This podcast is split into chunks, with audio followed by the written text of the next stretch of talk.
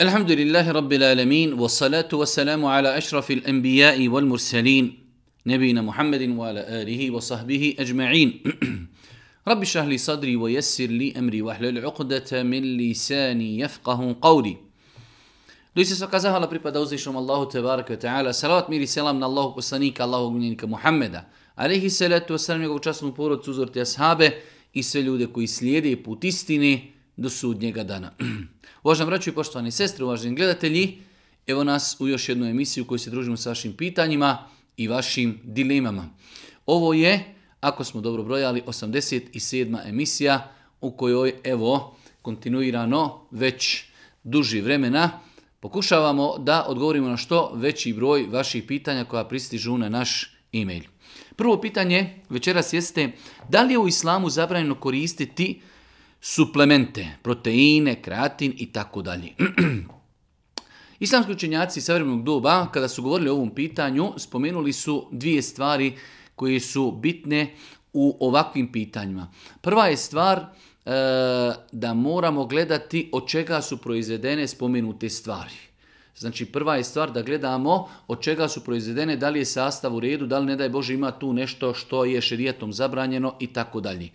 E, pa, znači, ljudi koji koriste ovakva sredstva, proteine i e, nešto slično tome, trebaju da gledu, gledaju od čega su napravljene spomenute stvari. Druga stvar, također mnogo bitna, jeste e, kakvog traga na čovjekovo zdravlje ostavlja korištenje spomenutih stvari tu stvar treba vratiti na struku, odnosno treba vratiti na medicinu i na doktore. Ako oni kažu da korištenje takvih stvari šteti ljudskom organizmu, onda vjernik to ne bi trebao da konzumira. Ako kažu e, da ne šteti ili da se koristi pod određenim uvjetima, onda se vjernik treba pridržavati spomenutih spomenuti uvjeta.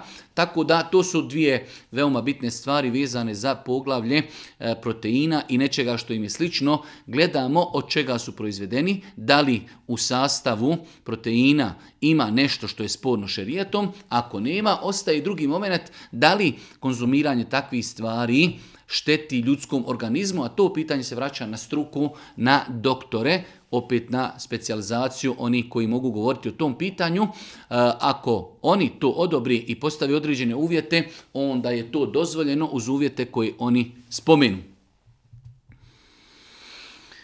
Da li je haram nositi zlatan privjesak na ključevima od auta?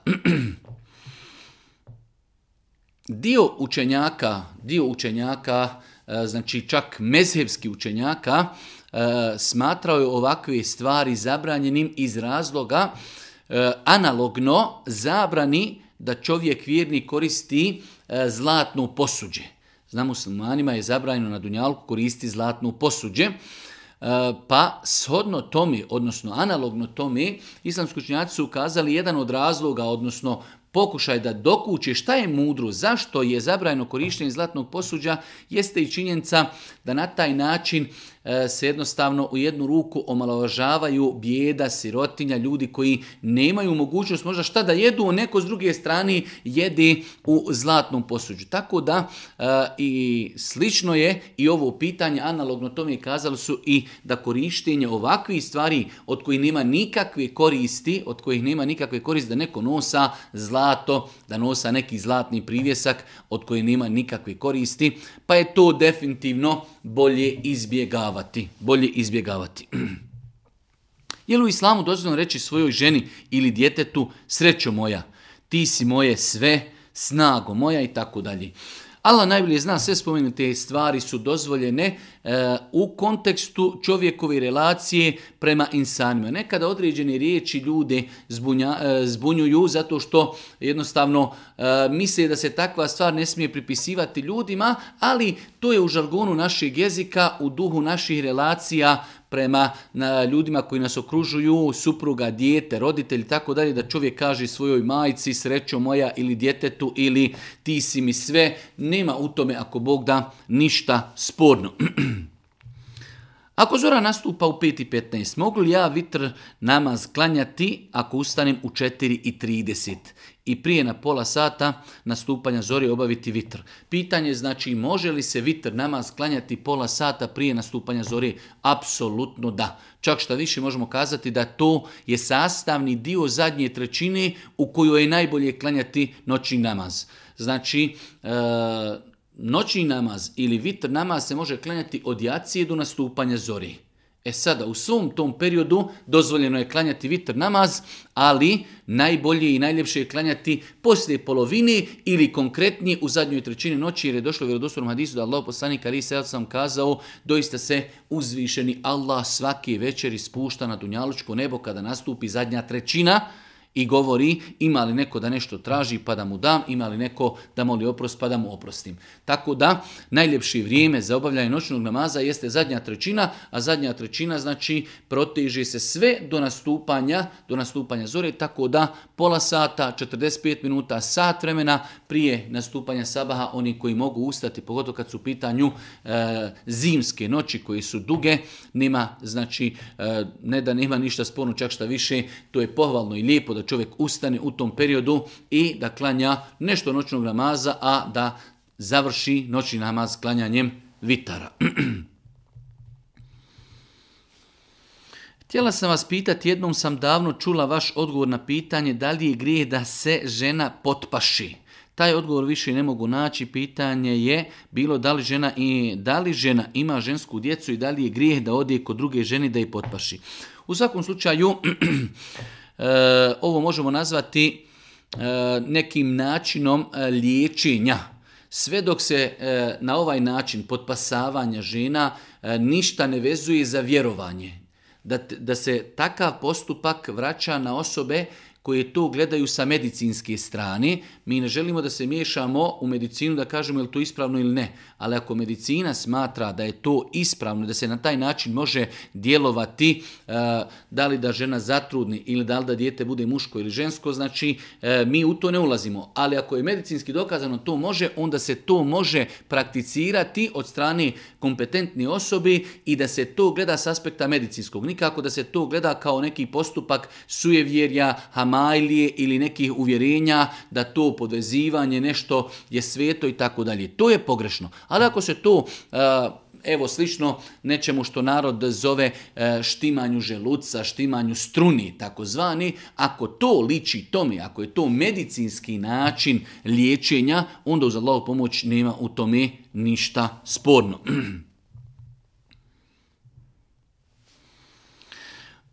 Poštovani, zanima me, pošto sam katolik, da li je grije što kući imam Kur'an i čitam? I da li je validno ako sam sam šehadet izgorio da sam prešao na islam? Kada u pitanju čitanje Kur'ana od strane nemuslimana, muslimani mogu čitati prijevod Kur'ana. I to je, mislim, 99% pitanja kada se postavlja da li nemuslimani mogu da čitaju. E, Kur'an odnosi se na prijevod Kur'ana.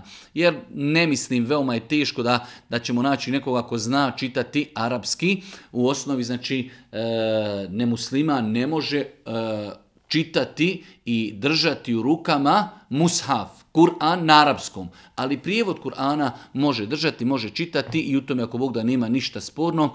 A drugi dio pitanja, da li čovjek može sam da izgovori šehadet bez da to obznanjuje i kako da. Znači jedna od ljepota i jedan od pokazatelja savršenstva islama jeste i činjenica da čovjek može prihvatiti vjeru islam onda kada bude ubijeđen, kada bude uvjeren, onda kada to spozna, bez da to negdje oglašava i razglašava s tim što e, je dobro i potrebno da nekome od prijatelja, poznanika, e, ljudi kaže da je prihvatio vjeru, ako bi se desilo da sutra, ne daj Bože, umri, da ljudi znaju da je on umro kao musliman, da ga ukopaju na islamski način, muslimansko greblje, ili s druge strane, sam taj moment prelazi prelaska na islam nosi sa sobom mnoge druge stvari, od ženitbe, od udaje, od mesa i mnogi neki drugi stvari, tako da e, jedan od ciljeva obznanjivanja islama osobe jesu propisi koji se vezuju za njegovu vanjštinu u jednom društvu u kojem živi ali da je to uvjet za prihvatanje islama, ne. Čovjek može biti sam u svojoj kući, između sebe i gospodara da kaže la ilaha illallah, Muhammedu Rasulullah, ja vjerujem da nema drugog Boga osim Allaha i da je Muhammed Boži rovi, Boži poslanik i on tim činom postaje musliman bez obzira što niko ne zna za to. Zanima me da li mi se priznaje namaz koji klanjam sa nadograđenim noktima. E, zbog ovog pitanja sam morao otići na internet pa da pogledam kako se e, realizira nadogradnja nokata, pa sam tamo vidio, znači u više različitih institucija ili poluklinika ili ne znam nija već ko to nudi te usluge, e, da nadogradnja nokata znači zalijepiti strano tijelo, strani nokat na naš nokat kojeg mi imamo i samim tim mi sprečavamo dolazak vode do jednog dijela, nekada je to polovina nokta, manje ili više, sprečavamo dolazak vode do naših nokata. Tako da e, Allah najbolje zna takav namaz i takav abdest je neispravan. Stoga je znači ženama zabranjeno muslimankama nadograđivati nokte ako se to nagrađuje, nadograđuje na način da će dio našeg nokta biti pokriven stranim tijelom, plastikom ili već, nečim sličnim e, tome, znači to je zabrajno. Ako se može ako već žena nešto želi da nosi, ako to može biti e, nekog kratkotrajnog karaktera, znači nakon što abdesti da nešto postavi, da malo ukrasi svoje ruke, nakon toga opet kada završi, e, jednostavno kada treba ne abdest da to može skinuti i tako dalje, da, u protivnom, znači e, nije to ni dozvoljeno stavljati zato što sprečava dolazak vode do dijela tijela kojeg je obaveza Eh, oprati prilikom abdesta, samim tim ako tako abdestimo nije ispravan abdest, a ako nije ispravan abdest onda nije ispravan namaz koji smo klanjali sa takvim abdestom. Da li je grijeh ako uplatim ratu kredita? U pitanju nekoliko hiljada maraka nekome ko nema noca da ga otplati, a primoran je da plati. Ratu kredita.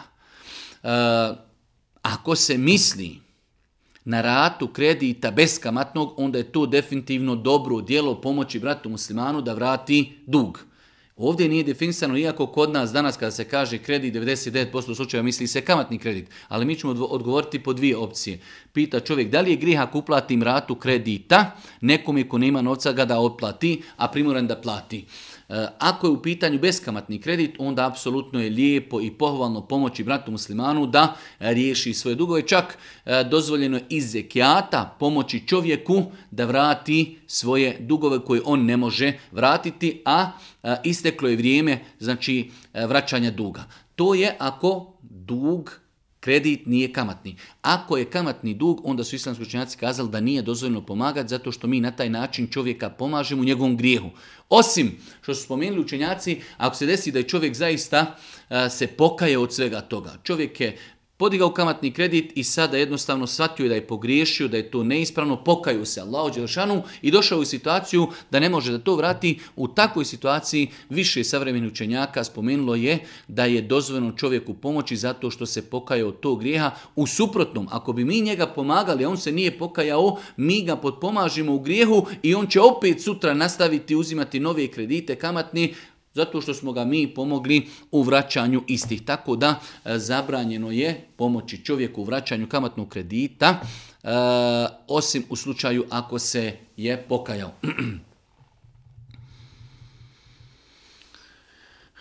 Imam pitanje vezano za jedan hadis, da li je vjerodostan oni koji traži puno od drugih ljudi da će na sudnjem danu stajati pred Allahom bez mesa na sebi.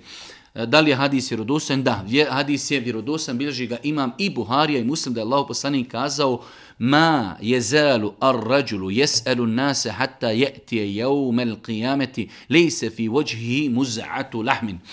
Neće, kaže čovjek, insan prestati tražiti od ljudi i metak. Traži a nije ono od onih kategorija koji imaju šerijatski e, validan razlog da traži od ljudi. Znači to su ljudi prosjaci koji znači nekontrolisano traži od ljudi pare, neće prestati čovjek pitati i tražiti ljude, prositi od njih, sve dok kaže dođe na sudnji dan, a na njegovom licu neće biti ni truna, niti jednog komadića e, mesa. E, islamski učenjaci e, su na dva načina shvatili ovaj hadis bukvalno, i prvi način, i tako bi najbolje bilo i satiti hadis, da će čovjek doći na sudnji dan koje od ljudi prosio i tražio, e, znači sabirajući e, dodatni metak za kojim nije potreban, da će doći na sudnjem danu, a na njegovom licu neće biti mesa, znači to će biti samo lobanja i kostur. A dio učenjaka je shvatio ovaj hadis da se misli da će biti znači ponižen pred uzvišenim Allahom subhanahu ta'ala, Allah najbolje zna prioritetnije shvatiti hadis po njegovoj vanjštini, ali odgovor na pitanje je je li hadis vjerodostojan, jeste bilježi ga i Buharija i Muslim. Zanima vaše mišljenje o sljedećem kada završim sa namazom i predam selam. Zavolim uzvišnog Allaha da mi primi namaz i oprosti ako sam nešto zaboravila i pogrešno uradila. Ja to naravno kažem u sebi i na bosanskom. E sad me zanima ima li nešto pogrešno u tome jer je to meni prešlo u naviku. E, ne vidim ništa sporno u tome da čovjek poslije namaza zamoli Allaha te barak da ukabuli njegov e, ibadet i s druge strane E, da zamoli Allah Žešanu da mu oprosti ako je bilo kakvih pogreški u namazu. Zato i jeste došlo da je od sunneta kada čovjek preda selam, eselamu alikum, eselamu alikum, da prve stvari kaže estagfirullah, estagfirullah, estagfirullah. Tri puta, to je bio sunet Božijeg poslanika i to je propisano baš iz tih razloga da čovjek moli Allah Žešanu da mu oprosti ako se desilo nešto u toku ibadeta, u toku namaza, što e, znači ne doliči namazu. E sad ostaje ovdje moment da to ne bi trebala da bude svakodnevna obavezujuća praksa, Znači, ali da insan, ajde da kažemo s na vrijeme, tako, zamoli Allah Đelšanuhu, zašto ovo govorimo? E, iz razloga što nije bila praksa Božijeg poslanika da je to tako činio, tako da bojim se da ne bi čovjek obavezujući se e, uveo nešto u vjeru od čega je vjera e, čista, ali znači da čovjek s na vrijeme u toku dana jedan ili dva ili tri namaza, poslije namaza da podigne ruke, da zamoli na bosanskom jeziku gospoda ruka buli moj badetu, oprostite mi greške koje sam učinio ovom ibadetu, ako Bog da ne bi trebalo to da bude sporno. Jedno malo duže pitanje u kojem čovjek kaže obavljam svaki namaz redovno, izbjegavam loše društvo. Nekada izbjegavam i kontakt sa ljudima koji ogovaraju i slične stvari jer me je strah da ne budem, e, da nekoga ne uvrijedim. Na poslu niko ne obavlja namaz i kao e, trpim uvrede na svoj račun zbog brade, da sam vehabija. U kući pokušavam na lijep način govoriti o islamu, ali nekako se osjećam kao čudak, jer me niko ne sluša. Da li se može, da li sam možda pretjeralo ili ne znam i tako dalje. U svakom slučaju, Allah poslanik alaihi salatu wasalam kazao u jednom hadisu da kaže e, Islam je počeo na strancima na pojedincima, islam će se vratiti, znači e, i opet će biti na strancima i na pojedincima. Tako da ne treba insan da se mnogo osvrće na društvo koje ga okružuje, koje je negativno. E, treba u granicama, u granicama normali i u granicama mudrosti ljude pozivati. Svakako da, da, da će biti ljudi koji se neće odazvati, da će biti ljudi koji će čovjeka ismijavati, prozivati, potvarati, gibetiti, lagati na njega i tako dalje. Ono što mi možemo jeste da svojom praksom pokažemo na najljepši način islam u njegovom najljepšim svjetlu, a isto tako da ljude u granicama, kažem, mudrosti. Jer nekada čovjek svojim pozivanjem može biti razlogom da ljude odalji od ako ide previše, ako je arogantan, ako je grub, ako neprestano ponavlja, ali znači znači da čovjek bude pronicljiv, pametan, mudar, blag, lagano, postepeno, da poziva to što će biti ljudi koji to neće prihvatiti, ne treba da bude razlogom da čovjek odustane od svega toga, već treba da ostane čvrsto na putu istini.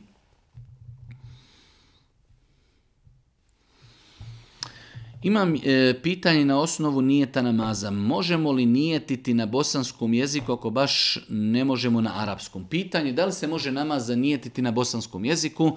E, odgovor je da se nijet u namazu e, ne treba izgovarati riječima ni bosanski ni arapski. I jedno i drugo je novotarija, nema potrebe. Znači, Allah poslanik ali i salatu wasalam, njegovi ashabi prve generacije, namaz kada bi E, počinjali samo bi započinjali riječima Allahu Ekber.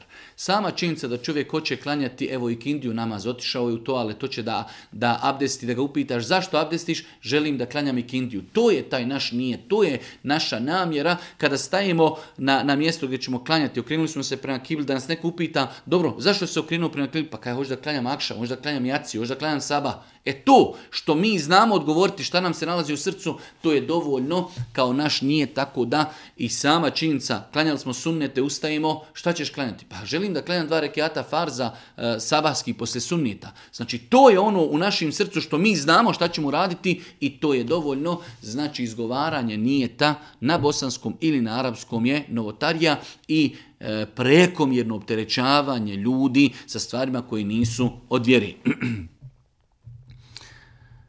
Pitanje, zanima me šta će biti sa poslanikovim roditeljima, jesu li oni bili i do poklonici i hoće li ići u džehennem? Koje je najispravnije mišljenje?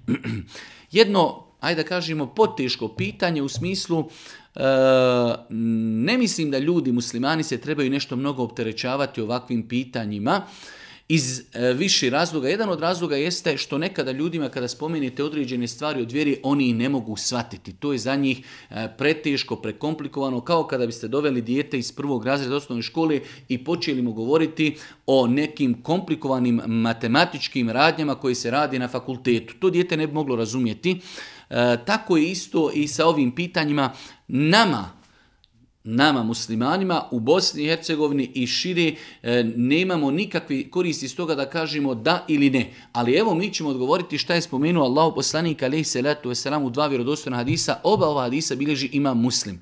Došao je čovjek Božijem poslaniku pa ga je pitao, kaže gdje je moj otac? Umro moj otac u znači nevjerstvu kao mušik Mekke pa kaže gdje je moj otac? Kaže Božji poslanik u vatri. Pa je se onda čovjek okrenuo, okrenuo, ali jednostavno kao malo ljutito, pa ga je zovno Boži poslanik pa mu je kazao, tvoj otac i moj otac zajedno će biti u vatri. To je hadis koji je rekao Boži poslanik koji je vjerodostojan, bilježi ga ima muslim. U drugom hadisu koji isto bilježi ima muslim stoji da je Boži poslanik kazao molio sam Allaha da tražim stikvar za svoju majku pa mi je zabranio, nije mi to dopustio pa sam molio da posjetim njen kabur pa mi je to dozvolio. Znači iz ova dva argumenta Allah najbolje zna vidimo jasno da Boži poslanik ali se letu je kazao za svoje rotelje da nisu muslimani i da će biti u vatri. Eh, da li E, postoji mogućnost, će znači uzviše Allah na sudnjem danu, da se ovo odnosi na jedan periodičan ulazak u vatru, pa da oni budu obuhvaćeni onim periodom E, u kojem nije bilo nikakvih poslanika, to je opet e, znanje znači, koje ima samo uzvišeni Allah te ta'ala, ali mi smo ponudili odgovor iz dva vjerodostojna hadisa Božih poslanika, ali se sam koji bileži ima muslim, hadisi u kojima stoji da je Allah te ta'ala proživio roditelje Božih poslanika samo da primi islam pa i opet usmrtio, to su lažni apokrefni hadisi. Ono što je vezano za roditelje Božih poslanika jesu ova dva hadisa u kojima Božji poslanik za oca svoj kaže tom čovjeku i tvoj otac i moj otac će biti u vatri, a za svoju majku kaže molio sam Allaha i tražio sam od njega da mi dozvoli da molim za nju, da za nju molim oprost greha, pa mi nije dozvolio. Ali mu je dozvolio da je obiđi, da posjeti njen kabur, tako da, zašto nije dozvolio? Zato što je umrla u nevjerstvu.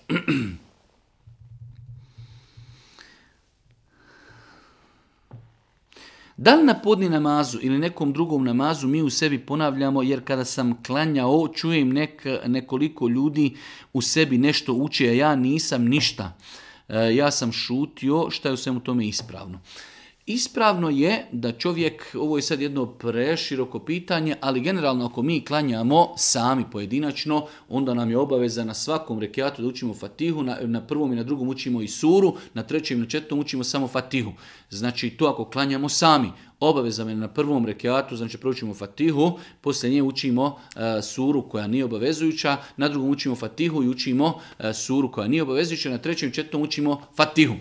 Ako klanjamo u džematu, onda se namazi dijele u dvije kategorije. Imamo namaze dnevne, podne i kindiju u kojima se uči u sebi i imamo namaze sabah, akšam, jacu u kojima imam klanja uči naglas. Kada su u pitanju namazi u kojima se uči u sebi kao podne i kindija, onda znači kad kažemo Allahu Ekber, imam uči za sebe, mi učimo za sebe. Jer Allah poslani kaže La salate li men lem yaqra bi fatihati kitab. Nema namaza. Nije ispravan namaz osobi koja ne prouči fatihu. Tako da to se odnosi na podni na ikindiju, bez obzira što klanjamo u džematu za imamom, jer nije propisano da mi stojimo i da samo razgledamo i da šutimo, već ćemo i mi učiti. Kad su pitaju namazi u kojima imam uči naglas, Allah najbolje zna, postoji jako, jako razilaženje da li kada imam završi fatihu, naglas, da li i nakon njega u sebi trebamo proučiti Fatihu, ja sam lično stava da ne treba, dovoljno je to što imam proučio za nas i posvjetit ćemo se slušanju kirajeta, znači, jer mi ako budemo učili Fatihu, nećemo se moći posvetiti učenju Kur'ana kojeg uči imam. Allah Žešanu kaže, kada Kur'an uči, Festemi'u, vi dobro slušajte ono što se uči, tako da u namazima u kojima se uči naglas, Saba, akšam, jacija, na prvom rekiatu kada imam uči naglas, znači fatihu, mi nećemo učiti ništa, zato što je, znači, e, tu imam i slušamo njegov kirajet. Da li mi je haram nositi trenirku na koj, trenirke na kojima je lik, reper, tupac, tako piše. I da li mogu klanjati u njima? Da li je haram nositi trenirke i da li se u njima može klanjati? E, nije, do, ja sad ne znam ovdje, ja sam išao malo preko interneta, vidim ko je i šta je, uglavnom e, ako sam dobro našao, to je neki reper, lik, čovjek, e, nositi odjeću bez obzira o kojem se pjevaču, radilo igraču i bilo čega, ako se radi o nošenju odjeće koju ima jasan lik čovjeka, to je haram i zabranjeno. Znači, zabranjeno je nositi odjeću na kojoj imaju jasni likovi živih bića, kao što je čovjek i nešto slično tome, bez obzira da li se radilo o igraču, pjevaču, manekenu i tako dalje. E sada, e, ostaje drugi dio pitanja da li se u tome može klanjati. E, ako bi se tako uklanjalo, namaz je ispravan, ali je insan neispravno postupio što nosi odjeću u namazu koja je u osnovi zabranjena. Jer osnova je zabranjeno nositi odjeću na kojoj imaju slike živih likova, ali ako bi on tako klanjao, on je ispunio ono što se u namazu a to je da je pokrio avrete.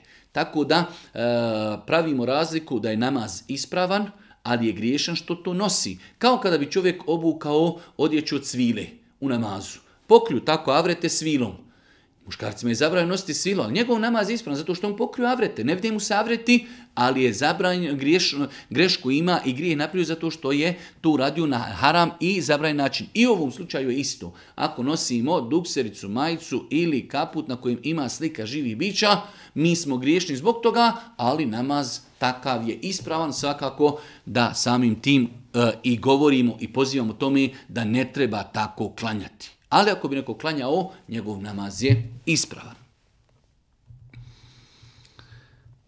Zašto se u namazu nakon fatihi govori amin kad je fatiha sura, a ne dova?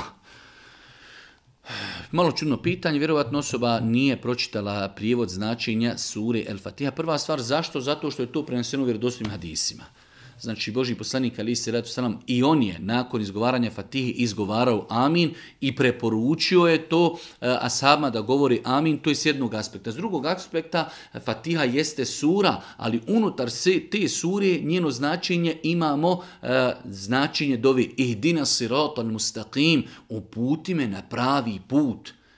Zar nije kada mi u namazu kažemo ihdina sirat al mustaqim, gospodaru uputi me na pravi put. Zar to nije dova nakon koje mi kažemo amin, gospodaru uputi me na pravi put.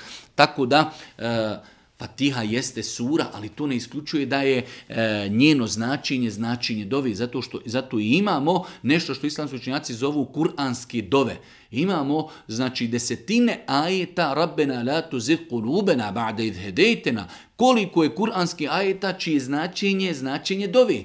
Pa ne, znači nije u kontradiktornosti to što je Fatiha sura da ne može biti dova. Apsolutno ne. S aspekta znači, s druge strane, Boži poslanik je izgovarao amin poslije učenja Fatihe i preporučuje, pa čak i naredio izgovaranje eh, amin nakon proučene Fatihe. Tako da eh, razlog zašto se govori amin jeste baš zato što je Fatiha dova i zato što je to preporučio Boži poslanik alihi se letu selam. Duže pitanje, pitanje je propis korištenja shopping kartici. E, znači, na kraju se kaže pita, međutim u ugovoru koji potpisujete prilikom uzmanja sami shopping kartice stoji klauzula da ukoliko zakasnite sa plaćanjem rati na karticu, obračuna vam se kamata. E, imate u svijetu postoji jedna velika pravna institucija koja se zove E, islamski pravni kolegi međunarodni. Međunarodni, znači baš jedna velika institucija svjetska islamskih pravnika još davne 2000-te prije 22 godine oni su analizirali ovo pitanje da čovjek uzima shopping karticu. Shopping kartica je kartica putem koje čovjek e, ima mogućnost, ne znam, limitirani na 1500 maraka da troši, da kupuje i nakon toga on to vraća banci. E, ako vraća koliko je potrošio, to je u redu. Ali je problem tih kartica što e, prilikom potpisivanja ugovora, uzimanja te kartice stoji klauzula ako okasnite, vi se obavezujete da ćete prihvatiti obračunavanje kamate i zbog toga islamski učinjaci to nisu dozvoljavali. Znači problem je u tome što se u ugovoru između znači konzumenta i banki e, nalazi klauzula u kojoj stoji ako okasnite, da se obavezujete da ćete platiti kamatu. Tako da, znači, već prije 22 godine jedna od najvećih svjetskih pravnih institucija, pravni kolegi, islamski pravni kolegi međunarodni, dao je fetvu u kojoj je zabranio korištenje ovakvih kartica zbog ove klauzule. Da li je u islamu propis da učač ruke ne smije komunicirati sa džinima? i da li ga ti džini muči poslije nekog vremena i tako dalje. E, generalno gledajući, e, učači ruke trebaju maksimalno da izbjegavaju razgovor sa džinima. Zato što džini mogu iznijeti informacije koje ljudi poslije mogu, e, ne znaju šta će sa njima, prihvatiti ili ne prihvatiti, a osnova je da se džinima ne treba vjerovati ono što govori zato što su oni pokazali svojim ulaskom u tijelo čovjeka, oni su pokazali e, nepravdu, zulum i grijehe i sada kako da mi vjerujemo nekome koji je ušao bespravno u nečije tijelo. Tako da e, osnova je da ne treba razgovarati, e, kao što navode islamski učenjaci u govoru Šivul Islama ibn Taymi rahmetullahi alihi, da to čovjek učačuk je svede na minimum tako što će pozvati džina da izađe i da ga upozori, znači putem mu kaže to što radiš je neispravno, boj se Allaha, to što radiš čini činiš čovjeku zulum i nepravdu, ostavi to, pokaj se Allahu, to je nešto što bi čovjek učačuk je trebao da radi kada je u pitanju razgovor sa džinima, a o tome ko je postavio sihr, gdje je sihr, zašto si došao, ko te šalje, šta ima u vašem svijetu, jesi li oženjen, jesi li musliman, nisi musliman, sve te stvari, znači e, nema potrebe za takvim stvarima. Kako ispravno postupiti sa najezdom mrava u kući, obzirom da ih nije dozvoljeno ubiti? Mravi su nastanjeni u svakom dijelu kuće i kako god zvučalo uznemiravaju nas, ujedaju, bukvalno ih ima posuda u hrani, slanoj, slatkoj, posuđu, začinjima, e, krevetima, četicama za zube, odjeći, posteljini i tako dalje. E, da, postoji vjerodostojno hadis da je Allah poslanik ali se se nam zabranio da se ubijaju četiri ili pet vrsta životinja. Jedna od tih životinja jesu i mravi. Ali se ovdje misli konkretno na mrave koji čovjeka ne uznimiravaju. Čovjek sada sjedi na livadi i pored njega prolaze mravi, oni njega ne diraju i on dođe i ubija te mrave. To je ono što je zabranjeno, zabranjeno ubijati spomenute životinje u hadisme Božih poslanika bez ikakvog razloga.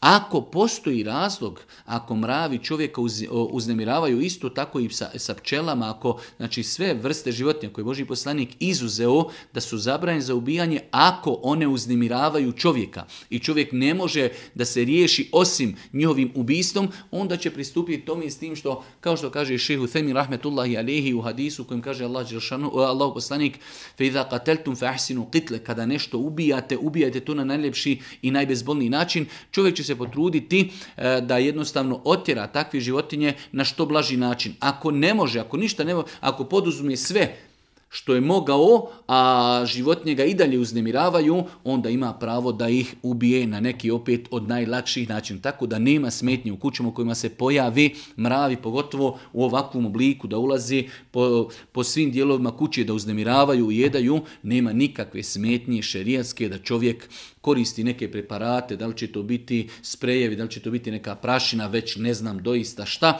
ali nema nikakve smetnje eh, da se koristi eh, određena sredstva kojima će čovjek i otjerati, a i dio tih mrava pobiti.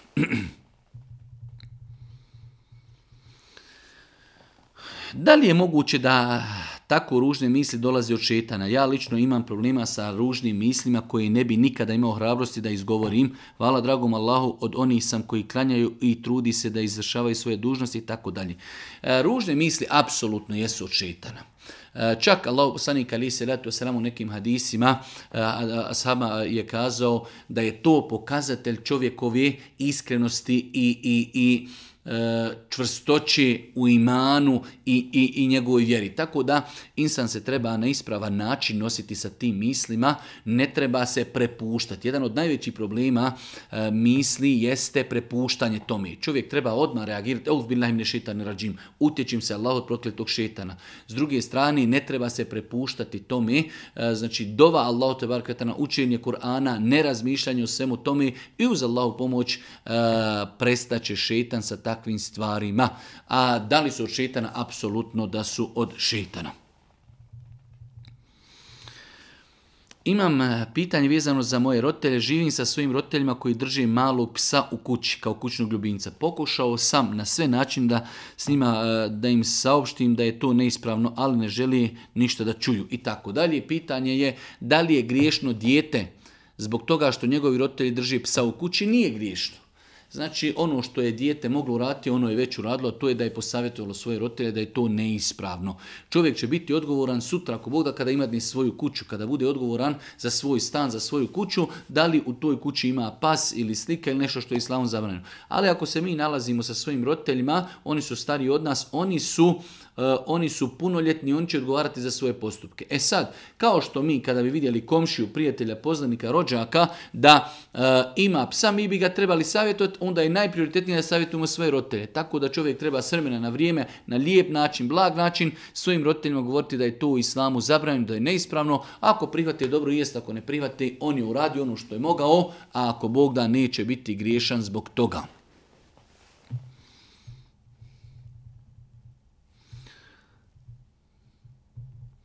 Trudna sam četvrti mjesec i pošto su neka sniženja, da li valja da se kupuje od sada za bebu?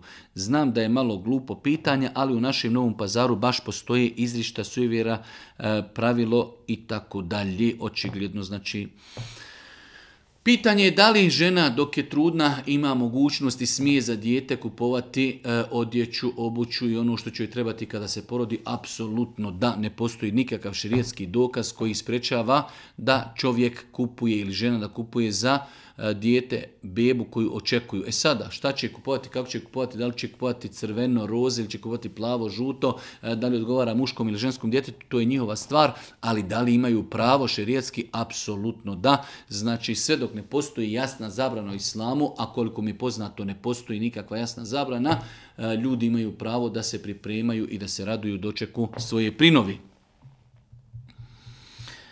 Imam jedno pitanje, smije li momak ofarbati kosu? Allah vas nagradio. Kada u pitanju farbane kose, islamski učenjaci su kazali nekoliko stvari.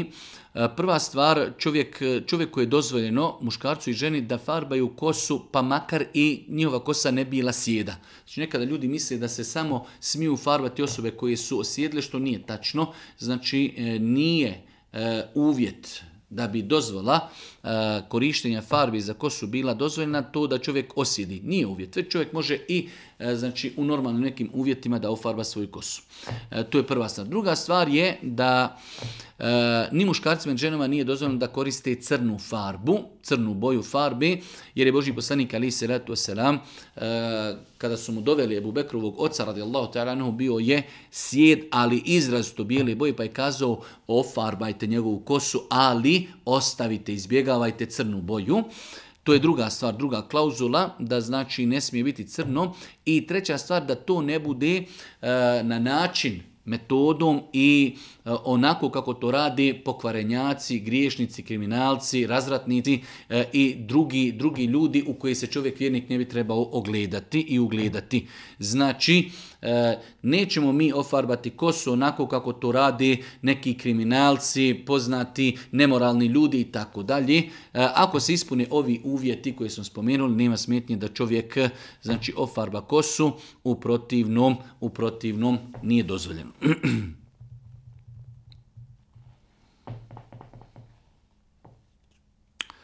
Pitanje je malo duže, ali je pitanje na kraju koje vrijeme moram da čekam da se oženim sa drugom ženom. Čovjek je razveo e, svoju ženu, pita da li postoji neki period koliko on treba da čeka da bi se ponovo mogao ženiti. Kada je u pitanju islam i pravila islama, čovjek ne posjeduje i ne postoji nikakav vremenski period koji čovjek mora ispuniti da mora čekati. Čovjek koji je u braku dozvoljeno da već oženi drugu, treću ili četvrtu ženu, a kamoli ako je već razveo svoju ženu. Znači, postoji propis za žene koji se zove idet priček da se vidi da li je žena trudna, a i Allah bi zna iz drugih nekih e, razloga, tako da čovjek ako razvede e, ženu u nekim normalnim uvjetima, žena treba da čeka tri mjesečna pranja, ne može se udati. Za razliku od čovjeka, e, mi ne govorimo hoće li se udati, oženiti čovjek ili neće, kada će i kako će, to je njegova stvar. Mi govorimo o propisu islama. Da li je u obaveza da nakon razvoda braka sa suprugom čeka određen period pa da se oženi, ne postoji nešto čime bi ga mogli obavezati, može se oženiti kada hoće. Da li danas, da li sutra, da li za mjesec ili dva, ne postoji u islamu nešto čime bi ga mogli obavezati za razliku od žene koja kada se razvede od čovjeka, ona treba da čeka, imaju različite vrste žena, znači imaju žene koje imaju mjesečnicu, nemaju mjesečnicu, jesu li trudne, nisu trudne, je li čovjek živ ili je umro i tako dalje. Imamo više različitih vrsta pričeka, ali onaj neki najklasičniji standardni priček jeste da je to čovjek razvio svoju suprugu koja e, ima mjesečno pranje, takva žena će čekati tri mjesec na pranja i nakon toga se može udati za razliku od muškarca koji nima takav propis.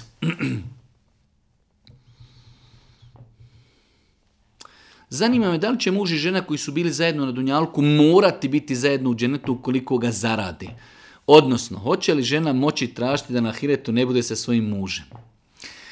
Jedno opet malo duže pitanje, žena nije zadovoljna sa svojim mužem, živi sa njim, sabura i trpi, ali eto veli, ako ću već trpiti na Dunjalku, moram li ga trpiti na Hiretu.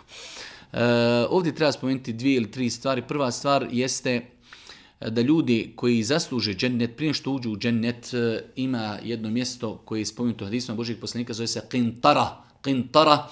E, znači, prije ulaska u džennet očistit će se prsa vjernika, E, znači od onoga negativnog što je bilo između njih na Dunjaluku. Tako da čovjek samim ulaskom u džennet više neće ni prema kome imati nikakav nebo, negativan naboj i mržnju.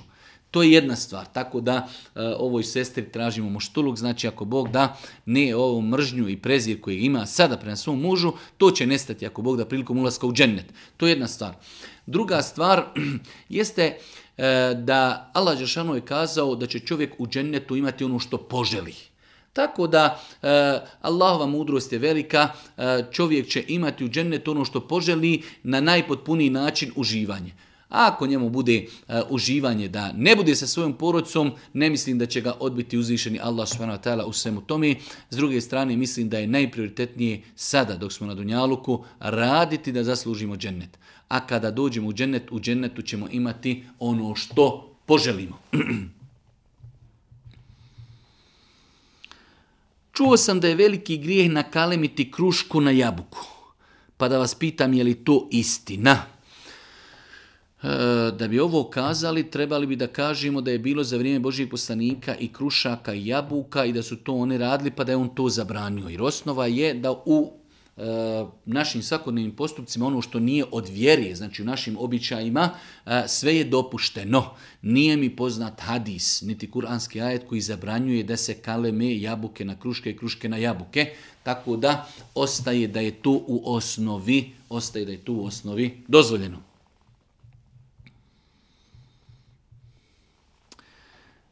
Ima jedno pitanje koje muči, da li se kolje akika za dijete koje je umrlo sa dva mjeseca? Hvala na odgovoru.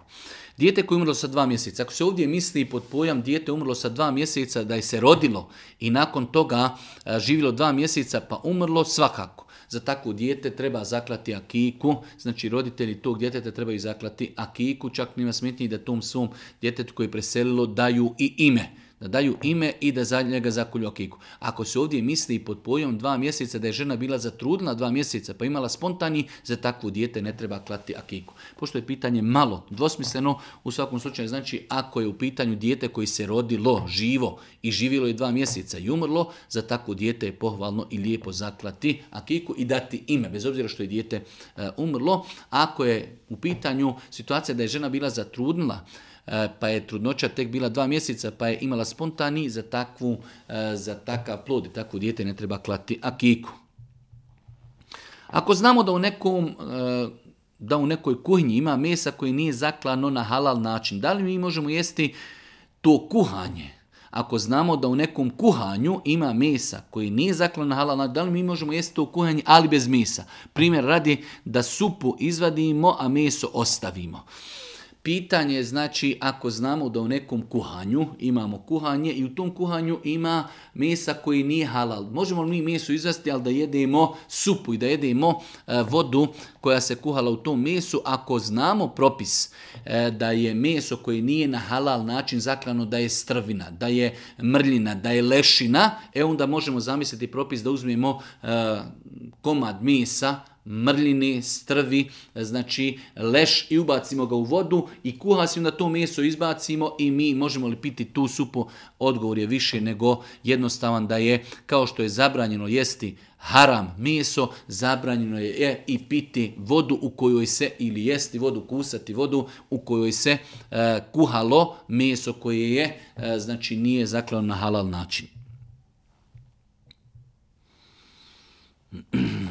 posljednje vrijeme primijetio sam da mnogi ljudi naručuju tepihe za nama, sa natpisom svojih imena. da li je to haram ili ne? Znači ljudi kupuju seđade i na vrhu seđade ili na dnu seđade stavi e, naručje da se izgravira njihovo ime. U svakom slučaju e, imamo tri savjeta. Prva stvar ako se radi o arapskim natpisima. Arapski jezik ima svoju posebnost i e, njega treba dodatno poštovati, kao što su kazali islamski učenjaci u svojim knjigama. E, znači, ne treba to pisati na arapskom. Druga stvar, ne treba pisati nešto što sadrži e, Allahu svano subhanahu ta'ala lijepo ime. Znači, ne možemo staviti Abdullah i da to bude negdje pored nogu gdje mi stajemo. Abdullah, Allahov rob. Pa imamo riječ Allah. tako da, ne može da pišemo na arapskom, niti da pišemo imena uzvišnog Allaha te ta'ala. Ostalo, ostalo, ako bi neko napisao, teško je kazati da je to zabranjeno, ali definitivno je to bolje izbjegavati. Znači, e, imamo dva uvjeta. Nakon ta dva uvjeta, ostala imena ako se pišu e, na jeziku koji nije arapski, nadamo se inša da čovjek nije pogriješio, ali bolje je to izostaviti. Bolje je to izostaviti.